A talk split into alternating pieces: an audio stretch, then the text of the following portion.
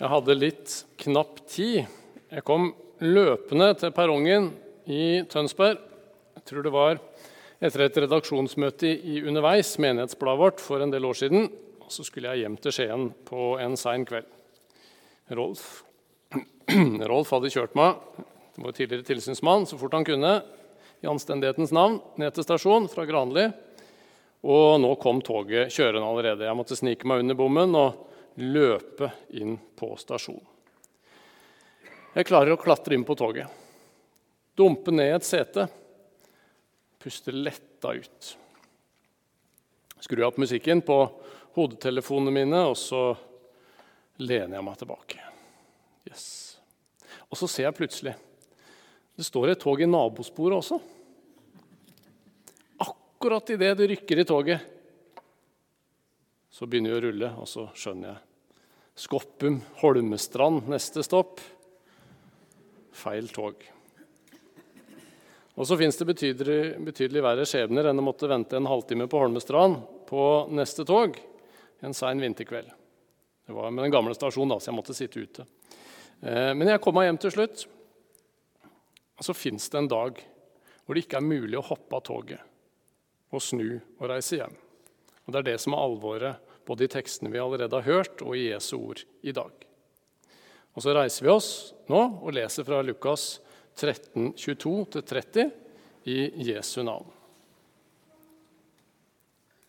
På reisen til Jerusalem dro Jesus fra by til by og fra landsby til landsby og underviste.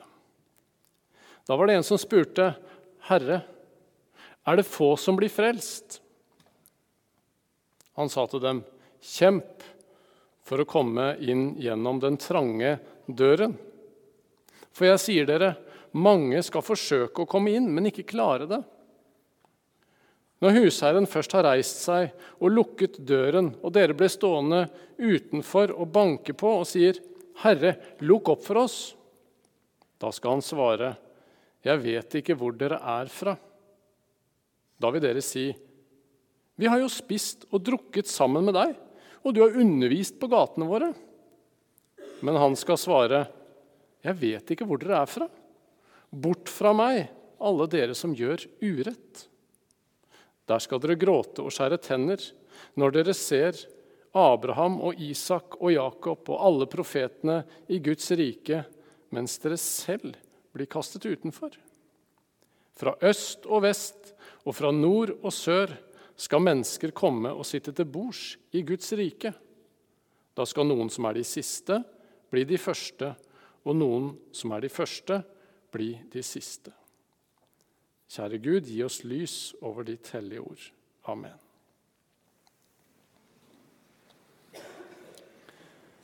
Jesus dro fra by til by, fra landsby til landsby og underviste om Guds rike. Det er en innledning som sier mye. Jesus han har sine elskede barn spredt omkring, og han vil at alle skal få mulighet til å møte Guds rike, til å møte Han.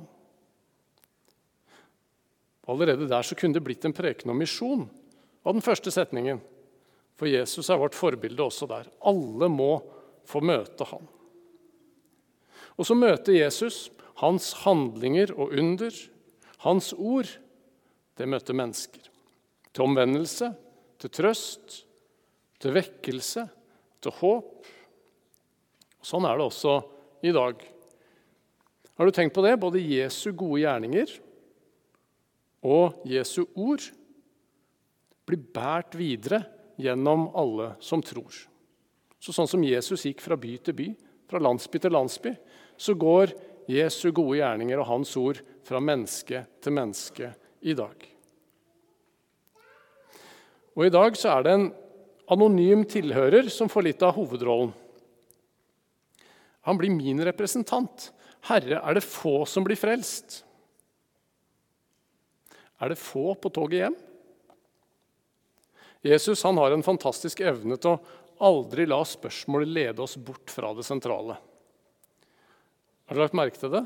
Han svarer noen ganger på sånn skikkelig 'god dag, mann, økseskaft'-måte.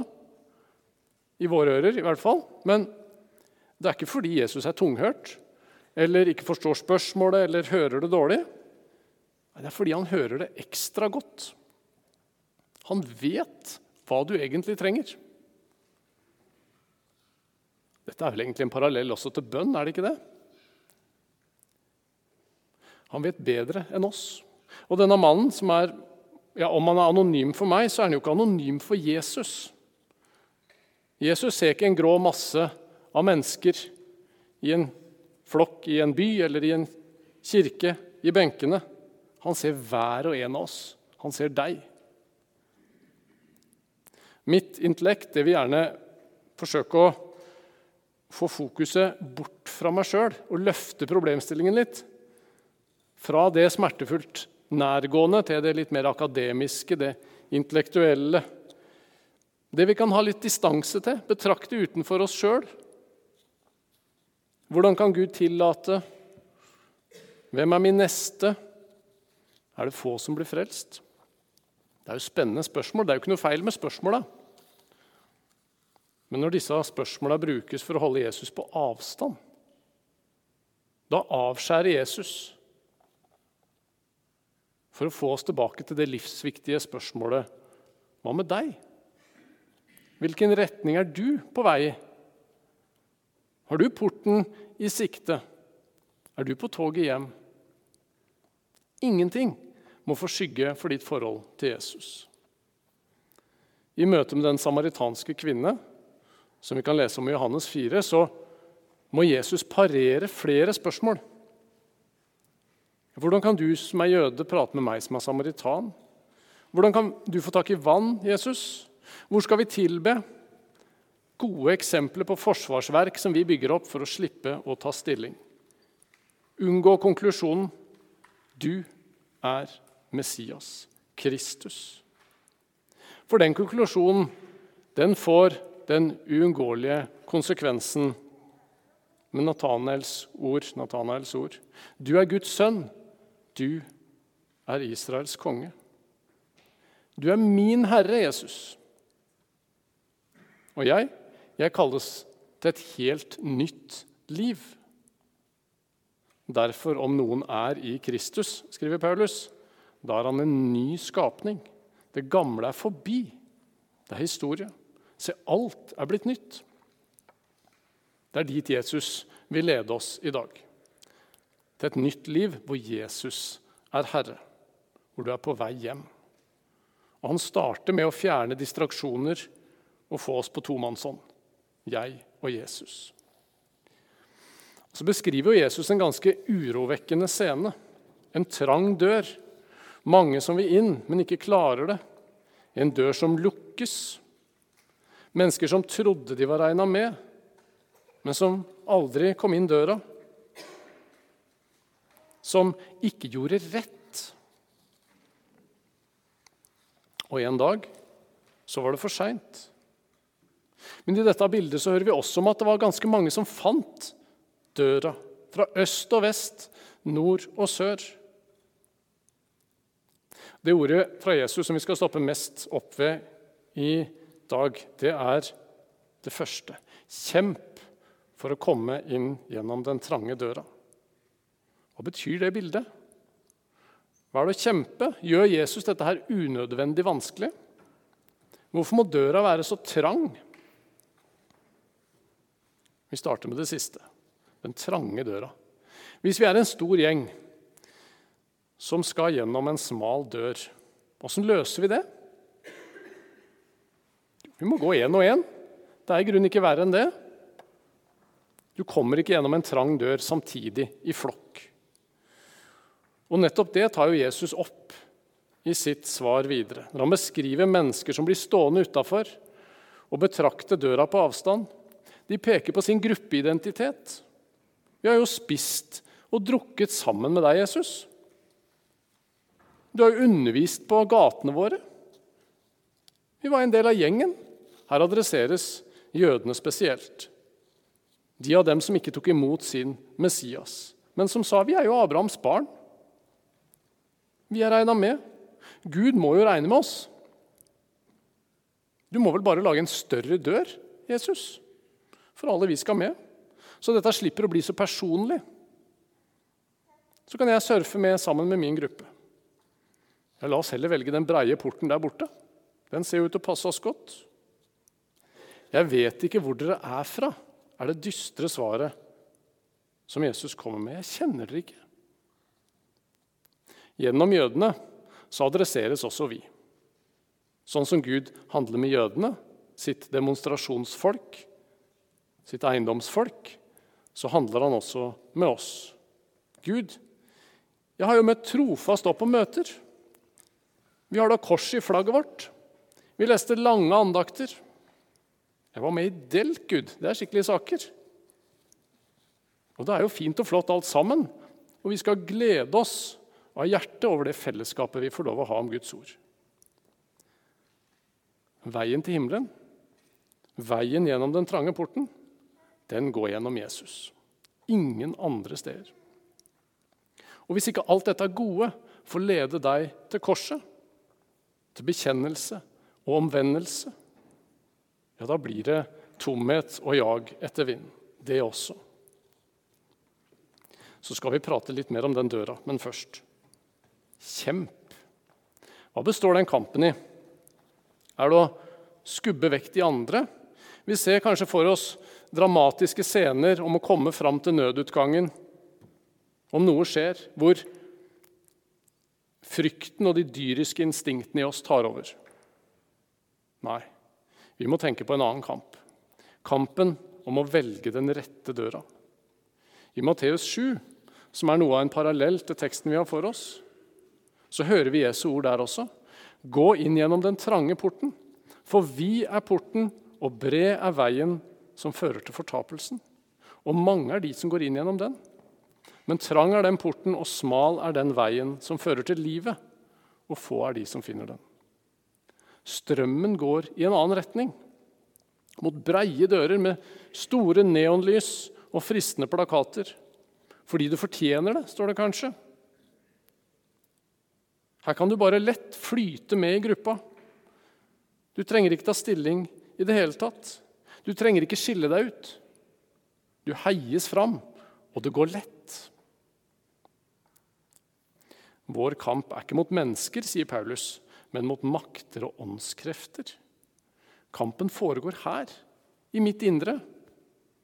I en del av meg vil gjerne flyte med strømmen som en død fisk, slippe taket, La det skure. Gi meg en mer behagelig, en mer publikumsvennlig kristendom. En lettere vei, mindre motstrøms, mindre Jesus som Herre, mer meg. Kampen skjer her inne fordi det koster å bryte ut av strømmen og ta en annen retning og velge Jesus. Hele tanken om et innenfor og et utenfor er jo vanskelig for mange av oss, iallfall for meg.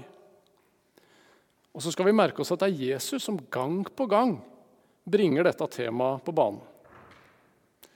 Og det er denne realiteten som gjør at Jesus tar på seg det ultimate offer. At han gir seg sjøl for deg, fordi han er så opptatt av dette her. Han vil ha alle mennesker innafor. Det er det som er det sentrale for Jesus også i dag. De som hadde møtt en stengt dør, de som ikke fant veien, de kjente ikke Jesus. De fulgte ikke han. Han hadde spasert i deres gater, forkynt i deres kirker. Men så fikk han spasere videre, aleine. De hadde fulgt strømmen mot en annen port. Veiene hadde nok, de nok kryssa hverandre. Men så blei de ikke med i Jesu følge videre. Han kjenner det ikke. Men bak Jesu ord om en lukka dør, eller en dør som lukkes, så fins det helt fantastiske nyheter. En dør som skal lukkes, hva kan vi si om den? Jo, den er jo åpen. Den er ikke lukka enda. De gode nyhetene er at døra til himmelen er åpen i dag. Kom, bli med. Veien er rydda. Veien er Jesus. Ingen som tar imot Jesus og lever med han, vil høre 'Jeg kjenner deg ikke'? Nei. Den gode hyrden sier betryggende 'Jeg kjenner mine, og mine kjenner meg'. Han har sona din urett. Han har dødd din død. Han har gjort klar en plass i himmelen innafor døra for deg. Et rom med ditt navn over. Porten inn til Guds rike, det er Jesus. Kanskje skal vi synge de i jula. Fra krybben til korset gikk veien for deg. Slik åpnet du porten til himmelen for meg. Og det fins ikke et eneste fnugg av synd som Jesu tilgivelse ikke dekker for de som tar imot den.